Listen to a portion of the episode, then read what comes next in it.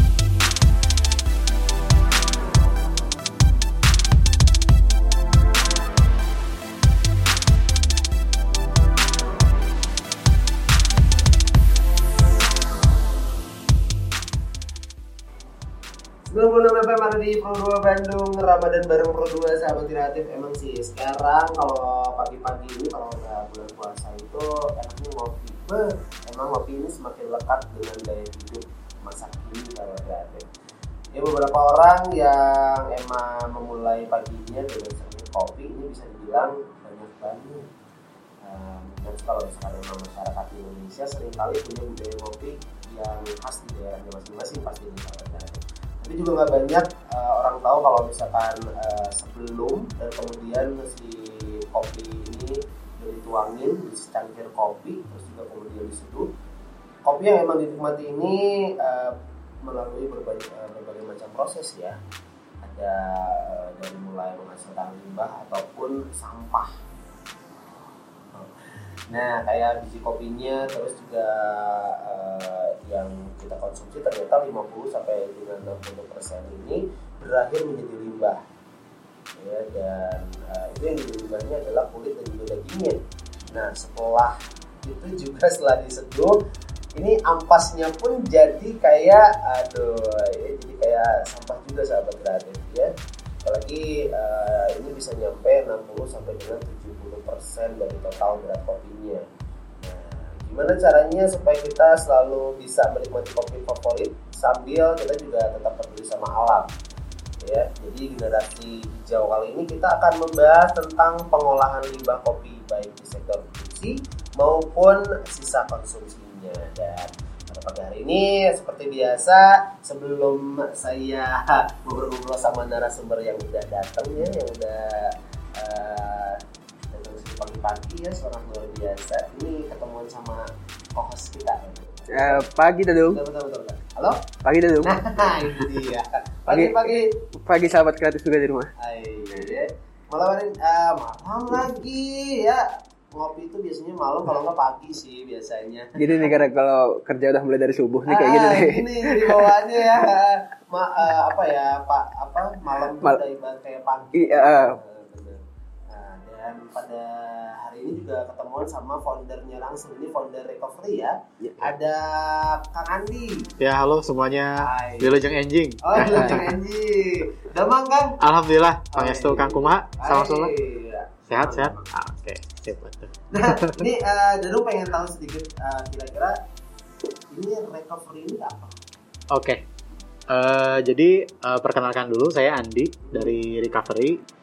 Jadi Recovery itu sebenarnya sebuah sosial bisnis gitu kan yang bergerak di pemanfaatan limbah kopi dari hulu ke hilir. Berarti dari proses uh, pasca panen sampai proses konsumsi itu sendiri, pasca konsumsi itu sendiri oh, dari kedai, gitulah. Jadi dari, dari awal mulai proses tahapan penanamannya ya? Ah, dari penanaman pasca panen langsung uh, diproses, di roasting dan lainnya sampai di kedai, disuruput, diminum, nah, ampas nate ya kita kelola juga, oh, ah, begitu kan. Kalau di kalau di lapangan realnya yeah. itu seberapa sebenarnya seberapa nyampe atau seberapa besar sih limbahnya ketika kita ngomongin soal hmm. kopi nah itu nah nah ini sih kang yang uh, jadi perhatian saya juga ya jadi kan uh, yang kita tahu lah ya jadi saya ngobrol dulu di jumlah kedai kopi dulu nih sebelum okay. situ. Nah, itu kan pasti kita udah sama-sama tahu lah ya, kedai kopi di kota Bandung ini udah mulai tumbuh lah. Heeh. Ya, ya. Istilahnya di tiap pengkolan, ayah kedai kopi, ya, Ah, istilahnya teh, gitu. Menjamur lah. Menjamur. Menjamur. eh, Tapi kita tarik jauh sebelum itu eh, ke proses eh, budidaya kopi dan panen itu sendiri, ternyata itu juga sama sedang maju gitu. Di beberapa wilayah di Bandung Selatan misalnya, eh, limbahnya ini sendiri yang dihasilkan dari proses pasca panen itu saya belum punya ukuran pastinya. Tapi berdasarkan observasi saya, kalau musim panen kita berkunjung ke kebun-kebun kopi itu udah pasti aja. Kulit kopi limbahnya itu ditumpuk begitu saja di pinggir jalan bahkan sampai di dekat mata air di hutan-hutan. Ya itu sih permasalahannya sebetulnya. Dan itu bukan hanya satu karung dua karung gitu. Dan Jadi, itu bisa iya buat sahabat kreatif yang mungkin belum ngeh, Nah, kopi itu yang diambil tuh beneran cuma kopi bijinya aja Kang ya. iya betul. Beneran cuma bijinya aja, tapi Bijinya aja. kalau misalkan teman-teman pernah lihat eh, tanaman kopi itu tanaman kopi bukan tiba-tiba muncul cuma biji doang gitu enggak, tapi dia itu ada di dalam buah gitu. Hmm. Buahnya mirip apa ya? Kalau bisa dibilang buah itu kecil-kecil Cherry gitu lah ya. mirip cherry, Ah, mirip cherry. cherry, ah. Nah, Buka itu jadi biji kopi. iya ketika dibuka diambil bijinya, nah itu biji itu yang kita nikmatin sebagai Nah, kopi itu. Iya. Bukan buahnya. Bukan buahnya. Nah malah buahnya sama ku- eh, kalau kulitnya kan pasti kan ya. Iya, Tapi iya. kalau buahnya tuh malah di, malah nggak dipakai ya Kang ya. Iya, nggak Malah nggak dipakai. Iya, Nah, itu jarang jarang. Justru yang kayak gitu itu malah jadi limbahnya ya sampahnya. juga. Iya. Iya. Aneh kan kopi kan yang diambil kopi biasanya kan kita Iya. makan buah, Ya, buahnya. buah kita yang Dagingnya yang kita makan, Dagingnya bijinya kita lempar gitu. Iya, bijinya benar. kita konsumsi ya. Iya, nah ini eh, terlepas dari itu sebelum Iya. kita jauh lebih dalam lagi, ini kalau misalkan si recovery-nya sendiri, Hmm. ini dibangunnya kapan sih? Ini sebenarnya inisiatifnya udah dibangun dari 2016 sih kan. Hmm. Semenjak eh, saya terlibat dalam isu persampahan, eh, saya juga mendapatkan hasil riset di Kota Bandung itu kan persampahannya ko- total timbulan sampahnya cukup besar gitu, 1.600 ton per hari. Nah dari situ saya mulai eh, dan saya kebetulan resep ngopi oge, Mhm. jadi wah iya jangan-jangan ampas kopi juga ikut jadi nambah Masalah, timbulan sampah ya. di Kota Bandung nih. Jadi saya harus punya model bagaimana caranya ampas kopi yang padahal masih bisa dimanfaatkan itu bisa tidak sampai ke TPS malah jadi memanfaatkan dan akhirnya mengurangi timbulan sampah Kota Bandung. Jadi dari 2016 Kang inisiatifnya Mas sebenarnya. 2016. 2016 akhir lah kurang rampung. Dan kalau misalkan si reco- eh, recovery ini, Hmm. ini udah ada berapa anggota sih kalau boleh tahu? nih? Anggotanya kita sebenarnya udah lumayan eh, cukup banyak Kang. Jadi karena bentuknya sosial bisnis, jadi kita udah ada dari mulai orang yang bergerak dalam proses pasca panen kopi itu sendiri, kemudian juga ada yang bergerak di hilir. Nah itu kalau di total mungkin sekitar kurang lebih 10 orang, 10 orang sekarang, Eh, 10 orang. 10 orang Hmm. ya. Ini kalau misalkan si kopinya sendiri kan tadi eh, recovery ini apa eh, si ampasnya terus dari mulai prosesnya ini Hmm. kan pasti akan ada limbahnya. Iya. Nah limbahnya ini Diapain? dijadikan apa? Oh, Diapain nah ya? benar. Nih, jadi ada perbedaan ya Kang ya. Kalau kita berbicara pengolahan limbah di hulu, berarti di proses pasca panen, si limbahnya itu kita pertama kom- dikomposkan, Hmm. dikomposkan dicampur dengan bahan lain, kemudian itu nantinya yang akan kita berikan ke petani kopi secara cuma-cuma. Hmm. Dan kita latih juga petani kopinya biar mereka nggak main buang sembarangan. Hmm. Jadi dimanfaatin buat peningkatan kualitas kopi. Hmm. Selain juga dikomposkan, itu kita dijadikan pakan untuk bilatung. Belatungnya ini dari uh, black soldier fly Hmm. atau maggot black soldier fly Hmm. kalau istilahnya mah gitu. Nah, Jadi si limbahnya sih dikasih makan dikasih ke makan ke belatung-belatung belatung gitu. itu larva ke larvanya. Nanti si larvanya kan karena larvanya itu mengandung protein yang tinggi didapat juga dari kopinya sendiri. Nah, itu yang akan kita jadikan pakan ternak Hmm. untuk ikan, unggas Hmm. gitu. Nah, itu di hulu gitu kan. Nah, kalau di hilir kita hanya mengomposkan kan, mengompos. Eh, sorry. Bukan hanya mengomposkan, mengomposkan. Kemudian selain itu juga ada produk development yang sedang kita bangun seperti bikin sabun dari sabun organik dari tambahan ampas kopi. Hmm. Kita lagi juga coba buat buat pot tanaman dari tambahannya ada ampas kopinya. Kita Hmm. lagi-lagi buat ke situ dan juga pupuk gitu. Oh. Ah, dan scrub gitu. Iya. Oh, Ah. Itu sabun sabun dari ampas kopi gimana? Yang aku tahu nih ya, Iya. yang Dadung tahu nih, kalau Iya, iya. misalkan eh, si ampas kopinya itu baik buat wajah. Iya. Ya, buat wajah gitu. Jadi eh, cewek-cewek itu biasanya kalau ini kan maskeran nggak cuma pakai bengkuang, ampas kopi juga Mm. bisa ternyata. Iya gitu benar kan. benar benar. Jadi kalau misalkan kurang cantik, udah tak masukin aja situ. Biar nggak kelihatan langsung gitu ya. Itu ya, maksudnya gitu. Iya. Enggak. Nah, tapi ini eh, si justru limbahnya ini bisa jadi eh, kembali lagi ke apa ya ke petaninya juga ya. Bisa, Kang, Jadi, jelas. eh, apa ya maksudnya bisa Dimanfaatkan jadi, lagi dimanfaatkan. Ah, lagi Bisa gitu bisa. ya. Ah, itu justru. si ininya lagi. Nah ini kalau uh, buat selain tadi si ampas kopinya untuk jadi apa tadi? Eh, air Sabun, pupuk, eh. sab- sabun, ada yang pakan ternak gitu ya. Sekarang ini yang uh, lagi diproses untuk si limbahnya sendiri prosesnya uh, pengen bikin apa?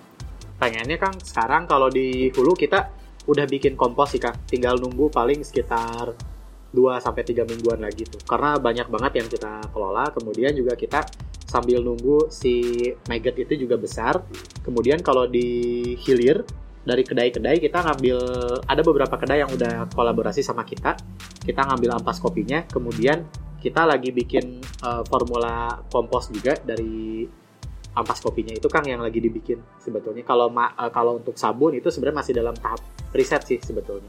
Tapi itu akan kita lakukan di tahun ini rencananya gitu. Ah. Tapi kalau misalnya untuk komposnya sendiri itu udah mulai dari kapan? Kalau komposnya sebenarnya udah se- dari tahun kemarin udah dilakukan Kang sebenarnya. Nah, dan itu Dan itu lumayan yang kami belum nguji sih sebenarnya cuman eh, di tempat proses kami di Ciwidey Ya. itu kita udah coba nguji ke salah satu pohon pohon Mhm. kopi dan ternyata usia pohon satu tahun itu udah mulai belajar berbuah istilahnya kayak gitu padahal kan idealnya 2 sampai 3 tahun ya baru. Oke, berarti itu menggunakan pupuk yang tadi. iya Oh. dari limbah kulit kopi kan Ya berarti menggunakan pupuk yang tadi bisa lebih cepat iya berbuahnya begitu. iya yang ditemukan iya ya, yang di kita lapangan iya gitu. betul betul gitu Oh, keren juga ya. iya Keren juga ya, ya. maksudnya uh, jadi ada sedikit kayak percepatan waktu. Iya. iya itu sih Kang Ah. Ah. Jadi yang awalnya dibuang Ah. sekarang manfaat bisa malah mem- mem- apa? Mempercepat, ah. mempercepat gitu Benar, Mas. benar, malah benar. meningkatkan produktivitas si Ah, si tanamannya ya ternyata ya keren juga. Itu dia sahabat kreatif. Nah buat kamu juga sahabat kreatif yang ingin memberi tanggapan, kamu boleh WhatsApp di 0816609696 ya. Jadi uh, kamu boleh tanya-tanya tentang kopi ya. Terus juga ini ampas kopinya uh, aku bingung mau digimanain. ya Nah, kamu boleh nah. WhatsApp aja sahabat kreatif. Ya di 0816609696. Habis uh, beberapa lagu di depan kita bakal ngobrol-ngobrol lagi sama Kang Andi juga sama Oke. Video juga ya. Menurut kamu tetap stay tune di 96 FM RRI Pro 2 Bandung Ramadan bareng Pro 2. Masih di Jalan Diponegoro nomor 61 Bandung sahabat kreatif dan masih ditemenin sama Dadung juga ada narasumber kita dan juga co-hostnya Halo. ada Kang Andi juga Yo. ada Beli Gede ya. Ini uh, udah ada yang WhatsApp nih Kang. Hmm, gimana tuh? Katanya uh, Helmi di Cimahi. Ah. Mau nanya apa aja manfaat limbah kopi buat lingkungan Oke, apa aja manfaat limbah kopi buat lingkungan ya? Limbah kopinya eh, sama aja ya mungkinnya di dari hulu sama hilir sama aja untuk manfaat lingkungannya sebetulnya dia itu media yang cocok untuk pengomposan kan. Jadi itu bisa membantu eh, dalam proses konservasi tanah.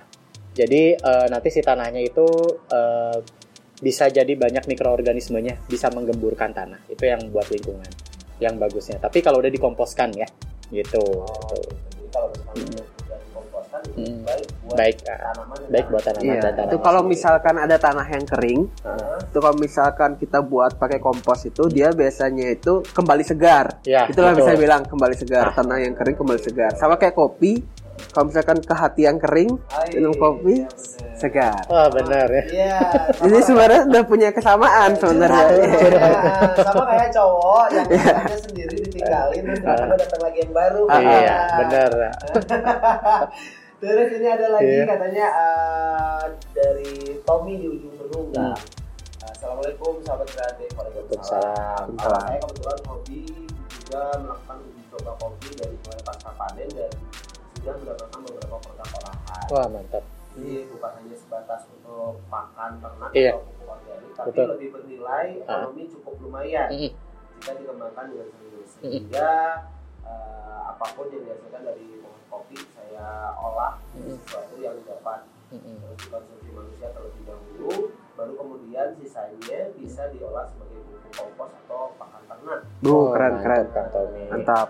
atau bahkan Mantap, mantap. eh, bersisa dalam artian bisa dikonsumsi masuk ke perut kita dengan aman Iya. Oke, mantap itu. Mantap. nah ini kan eh, tadi eh, Tommy dari dulu Hmm. ya eh, pengolahannya Hmm. ini kan eh, tadi akan bilang ada pasca panen Hmm. dan Di industri hilir lah ya. industri hilir, Iya. ada Setelah dikonsumsi. ah, Iya. Iya. setelah dikonsumsi nah ini kalau misalkan untuk si dikonsumsinya sendiri itu Hmm. kayak gimana Eh, itu sebetulnya si ampas kopi yang eh, dari kopi dari kedai-kedai kopi yang sudah melalui proses roasting itu sebetulnya juga baik sih untuk penambahan dalam media kompos kan. Jadi eh, kalau misalnya gini sih, ini sambil ngasih tahu aja kalau misalnya di rumah punya ampas kopi nih, tapi ampas kopinya diusahakan yang kopi yang tanpa gula gitu oh ya. iya benar Nah, ya. ko- kopi yang bukan, tanpa gula. bukan kopi yang ini ada banyak Iya, Nah. Bukan gitu. ya. Jadi eh, usahakan itu ya. Kopi Yang dibilang tanpa kopi tapi jagung.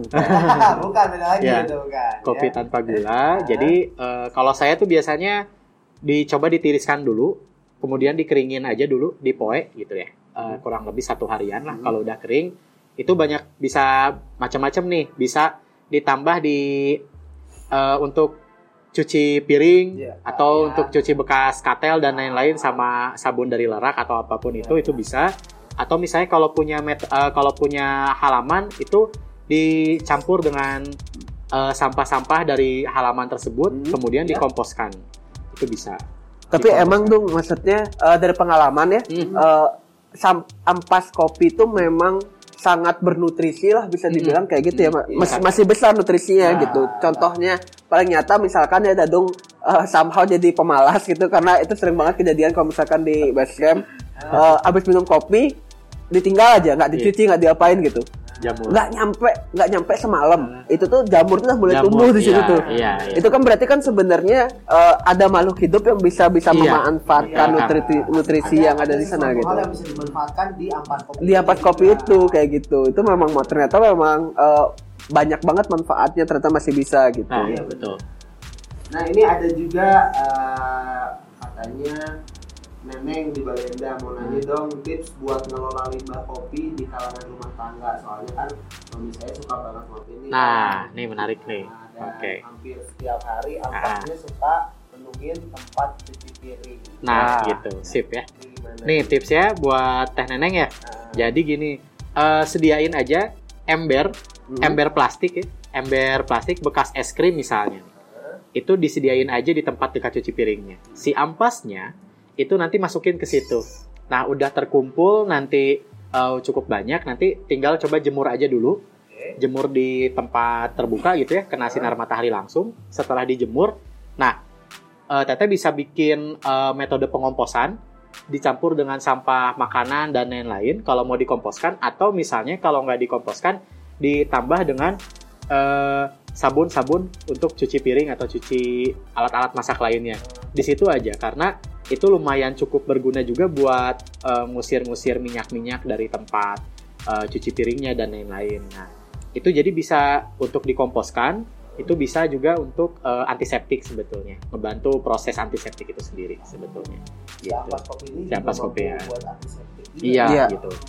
Mantap ya keren keren Kalau misalnya nanti jadi scrub itu harus melalui beberapa proses lagi sih Kang. Jadi Oh, kalau iya. untuk rumah tangga itu sih yang aman Oh. kompos dan juga untuk tambahan eh, sabun antiseptik. tahu. wah ya keren keren keren berarti buat eh, pendengar atau sobat kreatif yang sering ngopi nih ba- ada ada cara nih buat Hmm. supaya kita ampasnya nggak eh, akhirnya mengotori atau mencemari lingkungan Iya. ya betul. Terus juga ketika dicuci ampasnya nggak terbuang sia-sia. benar benar Karena sayang banget ya. Ampas kopinya bisa berguna buat Berguna Iya, banget ternyata. Ah setelah jadi ampas nggak harus jadi kenangan. iya Iya kan? Iya. Nah, ini, eh, habis manis Ampas dibuang. ampas dikelola dong jangan jangan dibuang dikelola nah ini kalau misalkan si eh, reco- recovery-nya sendiri kan, Hmm. ini eh, apa sih yang emang menjadi motivasi bergerak dalam pengolahan limbah kopi ini? Oh iya, jadi kami sebetulnya ingin agar eh, orang-orang yang ber- atau senang ngopi atau kedai kopi atau siapa pun itu yang ada di industri kopi itu tidak ikut berkontribusi untuk menambah timbulan sampah Hmm. organik itu aja sih kan. Karena organik kan eh, kita proporsinya persentase kan cukup banyak ya Hmm. sampai 60% tuh. Jadi kan orang-orang eh, yang sering di kedai kopi kan sangat banyak gagasan-gagasannya. Nah, jangan sampai di balik itu semua malah kita juga meninggalkan limbah gitu kan. Jadi kita eh, prinsipnya visinya sih eh, zero waste to landfill. Jadi nggak ada sampah dari industri perkopian yang masuk ke landfill atau ke TPS atau ke TPA itu. Tapi menurut Hmm. Kang Andi setelah di lapangan gitu, Hmm. mungkin nggak sih gitu misalkan atau enggak ambil simpelnya lah Hmm. Kang Andi kan eh, ngambil juga di hulu ngambil juga di hilir gitu kan misalkan di hulu Hmm. itu kayak petani-petani kopi itu kan mungkin ap- apakah mereka udah familiar sama konsep ini gitu Hmm. misalkan kayak limbahnya dipakai kompos apa Hmm. segala macam tuh apakah mereka udah terbiasa atau gimana sih Oh iya, sebenarnya? betul. Kalau di hulu itu sebetulnya ada beberapa petani yang mereka juga udah terbiasa Kang Iya. menggunakan eh, kompos dari kulit kopi. Hmm. Hanya si kulit kopinya ini tidak diproses lebih lanjut. Hmm. Mereka cuman didiemin aja, didiemin tanpa ditambah bahan apa-apa, kemudian ditebar gitu aja. Itu Emang, memang kenapa kalau gitu? Ya. Emang maksudnya efeknya apa itu kang? masalah gitu? itu sebetulnya kalau untuk tanah sih nggak bermasalah tapi yang kita Tanamannya? kita untuk pernah coba untuk tanamannya karena itu masih mengandung asam yang tinggi Hmm.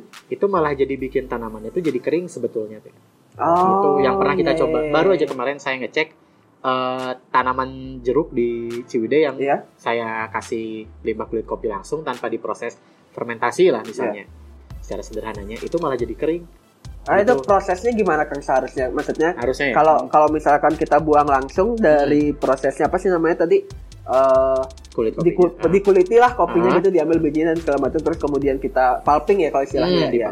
di dibuang langsung nanti kan asam terus Iya. berbahaya terus kalau misalkan dari Kang Andi sendiri ngelakuinnya kayak gimana? kalau yang udah recovery lakukan Hmm. itu si limbah kulit kopinya itu kita tampung dulu kan Iya. tampung kemudian kita juga ambil eh, sampah-sampah daun-daun yang jatuh gitu daun-daun kering itu dijadikan alasnya kemudian kita simpan limbah kulit kopinya Eh, kemudian kita eh, lapisi lagi dengan eh, daun-daun kering Hmm. tadi kita taburin sama ampas kopi yang udah kita keringkan Hmm. kadang juga ditambah eh, dari sabut kelapa yang udah Hmm. digiling kalau Hmm. ada kemudian kita tutup pakai eh di, kita siram dulu nih pakai eh, pupuk organik cair Mm-mm.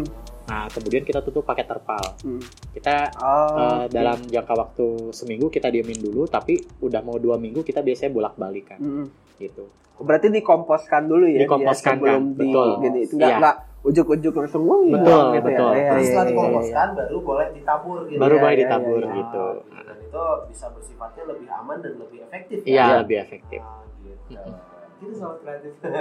Selain itu ada juga dengan maggot kan? ya? Iya, Mungkin boleh juga. diceritain kan Oke. sedikit gimana? kalau dengan maggot Ah. kita si kulit kopinya itu kita fermentasikan dulu dalam ember kang Ya. jadi biar nanti eh, si kulit kopinya jadi bentuknya kayak bubur Mm. Nah, setelah kita fermentasikan pakai pupuk organik cair tadi selama kurang lebih 7 sampai 14 hari, Mm. kita ambil kulit kopinya, kemudian kita kasih ke uh, maggot tadi. Iya. Dikasih Yang belum makan. tahu maggot, maggot itu larva Larva. eh, dari serangga lah sebenarnya basically. ah, Tapi dari- yang di sini dipakai itu adalah black soldier Black fly. soldier ya? fly. Ya, black eh, soldier tapi fly. bukan lalat rumah atau Ya. lalat hijau bukan ya. Jadi buat sahabat kreatif juga kalau larva itu yang sering ada di film. Bukan, itu yang suka kentut ya. Jangan, jangan jelek gitu, larva jelek. Enggak, enggak bukan itu kan. Serangga lah Iya, ya. iya. Nah, jadi gimana kan itu Nah? Jadi tadi setelah difermentasi kita kasih ke maggot Ya.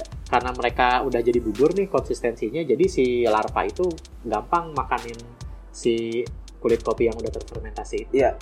Gitu. Larvanya itu kalau nggak salah ukuran itu bisa sampai sekeliking saya ya? Enggak ya? Iya, kurang lebih bisa sampai 2 sentian kan. 2 senti. Iya Ah, benar-benar gede banget sekeliking itu. ya kurang lebih ya Kang tadi kan segini. pernah lihat juga ya kemarin ya? Iya iya iya gede banget. Hmm. Dan itu sebenarnya kalau misalkan udah dikering dan segala macam, selain pakan ternak, kan pakan ternak utamanya ya Iya, mungkin ya. ah. Itu kita sendiri juga bisa kan? Maksudnya manusia sendiri juga Iya, bisa mengkonsumsi sebetulnya udah ada yang konsep uh, pemanfaatan uh, maggot untuk dikonsumsi karena Nah, proteinnya nyobain dong. Kemarin kita uh, sempat di salah satu acara kita sempat bawa juga dan saya udah pernah nyoba juga. Oh. Rasa dari Kayak apa sih, Kang, rasanya. Ah. Kayak kerupuk kulit lah. Ah, Aduh, kerupuk kulit. Yang belum digoreng. itu Kan udah rasanya. dikeringkan, ya. udah dikeringkan. Ini, Iya, oke. gitu Jadi lah. ini emang udah ada. Dan ini kegunaannya kalau misalkan dikonsumsi oleh manusia kegunaannya apa sih? Itu eh, kegunaannya proteinnya tinggi kan. Ah, Itu kalau yang saya pernah baca itu 35% sampai 40% proteinnya juga cukup tinggi dan eh, asam aminonya banyak banget gitu. Hmm. Jadi itu nutrisi cukup makanan yang cukup bernutrisi tinggi lah Hmm. kalau menurut saya gitu. Mantap. Kalau kalau nggak salah ya kemarin baca itu kalau nggak salah nih ya Hmm. Dung ya mungkin nanti teman-teman juga harus coba cek. Eh, tapi kurang lebih mungkin segini juga perbandingannya. Hmm. Satu gram Hmm. dari serangga-serangga itu Hmm. itu eh, proteinnya itu kalau nggak salah sama dengan 100 gram daging sapi daging merah daging merah kurang lebih mirip jadi emang kaya banget protein si Kecil apa pun Eh, serangganya, itu iya. bisa ada sedikit manfaatnya. Iya. Lalat pun sama gitu. Hmm. Maksudnya ya tapi jangan makan lalat dong Ya, enggak juga. jangan Maksudnya sedikit halnya gitu. Iya. Lalat sering nongol di Eh, tempat iya, iya. ya. Iya. Tapi si sayapnya sendiri yang kiri itu penyakitnya, yang kanan itu jadi sumber penawarnya. Nah, iya. gunanya Ada juga. Ya, Kalau setiap serangga. Iya. Nah ini eh, kalau misalkan karena ini emang kan bisnis sosial ya. Iya. Kang. Betul. Ini tantangan apa sih yang emang dihadapi dari teman-teman recovery sendiri Hmm. di bisnis ini? Iya. Ini. Iya, betul. Pertama, konsep ini belum familiar sih, Kang. Itu tantangannya. Jadi, tantangan eh, untuk menerapkan kan kita nanti ada beberapa keuntungan dari penjualan larva itu sendiri ya, Kang. Iya. Dan dari larva itu sendiri, orang-orang masih belum familiar bahwa itu sangat berguna untuk eh, industri peternakan Hmm. gitu. Nah, itu yang jadi tantangan buat kita. Kemudian selain itu juga tantangan eh, bersama di lapangan itu dengan petani juga kita pengen ngajak semua petani untuk juga bisa mengolah limbahnya sendiri secara mandiri dan nanti mudah-mudahan juga dari pupuk yang dia buat sendiri itu juga bisa jadi eh, peningkatan ekonomi buat mereka juga. Nah, itu lumayan dengan jumlah petani yang pasti banyak banget dan Hmm. juga luasan eh, tanaman kopi yang juga banyak banget itu jadi tantangan tersendiri sih Kak kalau di hulu Hmm. kayak gitu. oh ya nih mau tanya tapi nanya ke Dadung ini sebagai pecinta kopi lah cenah mah Oke. Heeh. oke. buat eh, para pecinta kopinya segala macam apakah eh, apa namanya impact atau dampak terhadap lingkungannya dari sebuah kopi itu menjadi pertimbangan nggak ketika milih kopi gitu apa ya udahlah Ma, saya mah suka rasa aja misalkan saya suka puntang saya suka Hmm. eh, toraja atau apa dan segala macam atau misalkan sampai ngelihat ini kayak gimana sih sebenarnya Hmm. produksinya gitu apakah mereka ramah lingkungan Ah. apakah enggak atau segala macam kayak Nah, gitu itu kalau sendiri sebagai pecinta kopi. Asik. Asik. Jadi, eh, ibaratnya gini loh, kalau misalkan dari diri pribadi, ketika kita nyobain kopi-kopi yang kayak puntang, toraja Iya. dan Iya. sebagainya itu eh, kadang suka berpikir juga, ini eh, gimana sang petani nyiptain kopi yang memang karena kan itu udah proses gilir ya udah di Betul. dan lain sebagainya kadang suka berpikir juga ini prosesnya tahapannya seperti apa terus berapa lama karena jujur ada ko- eh, kopi yang memang itu harus diinden terlebih dahulu Hmm. ada kan ya Ada. sekitar sebulan Nah. gitu ya itu mesen kopi ke kudu lila gitu Nah, ya ah, ah. itu kadang suka berpikir eh, ini eh, proses di gilirnya pun udah lama gimana kebayang kalau misalkan eh, proses eh, saat di hulunya Hmm. ketika udah di ininya dulu juga kadang suka mikir terus proses ketika limbahnya seperti apa ya sekarang udah semakin terbuka Hmm. kalau misalkan oh ternyata semua yang ada di apa dari mulai hulu dan hilirnya itu jadi bisa terorganisir semuanya dan itu saling keterkaitan Hmm.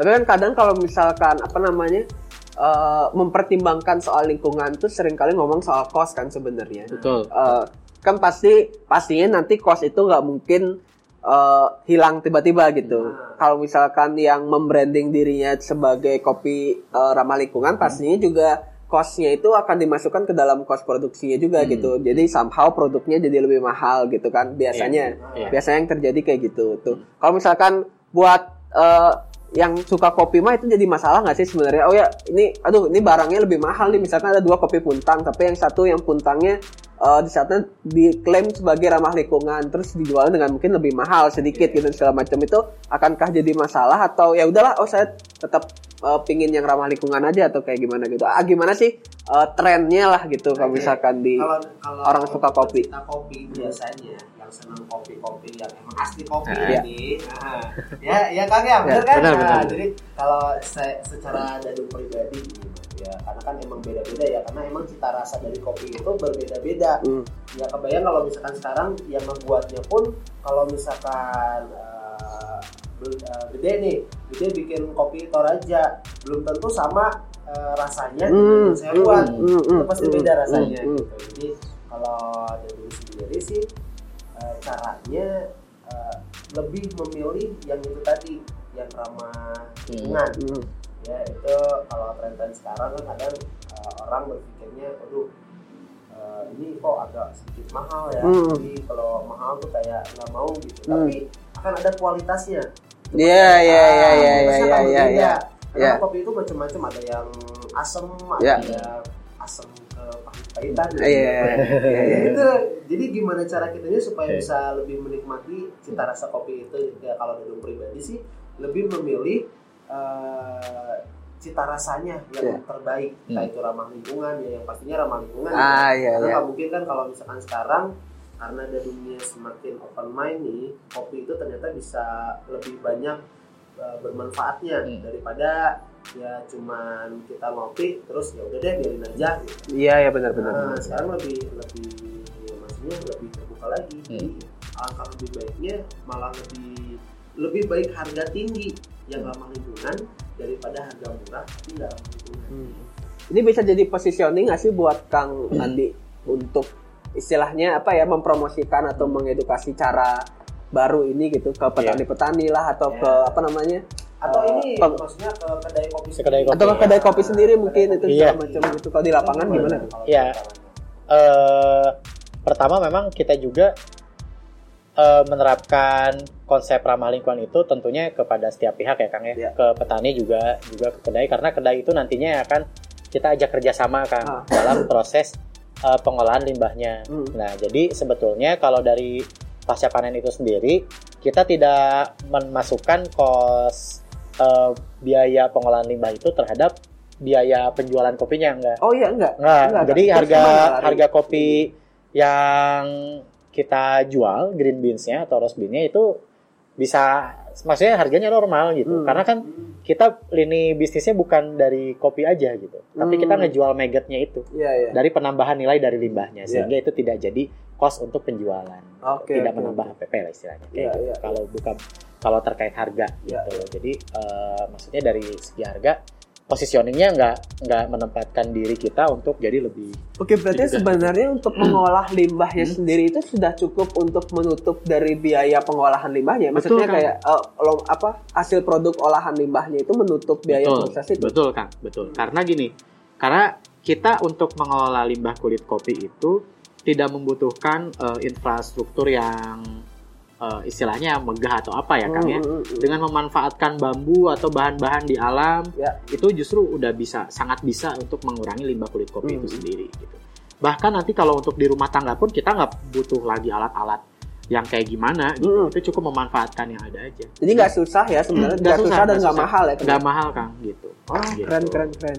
Ampas kopi itu nggak nggak nggak apa nggak sulit dicari. Iya. Ya, Iya. yang sulit dicari itu kenangan-kenangan yang dulu udah terbuang Iya. Iya. gitu. kenangan ngopi bareng dan data yang lain gitu. Iya. Nah, Tapi ini, jangan kan jangan kaget ya kalau misalkan lagi ngolah-ngolah ampas kopi gitu, misalkan lagi kita jemur segala macam, terus tiba-tiba.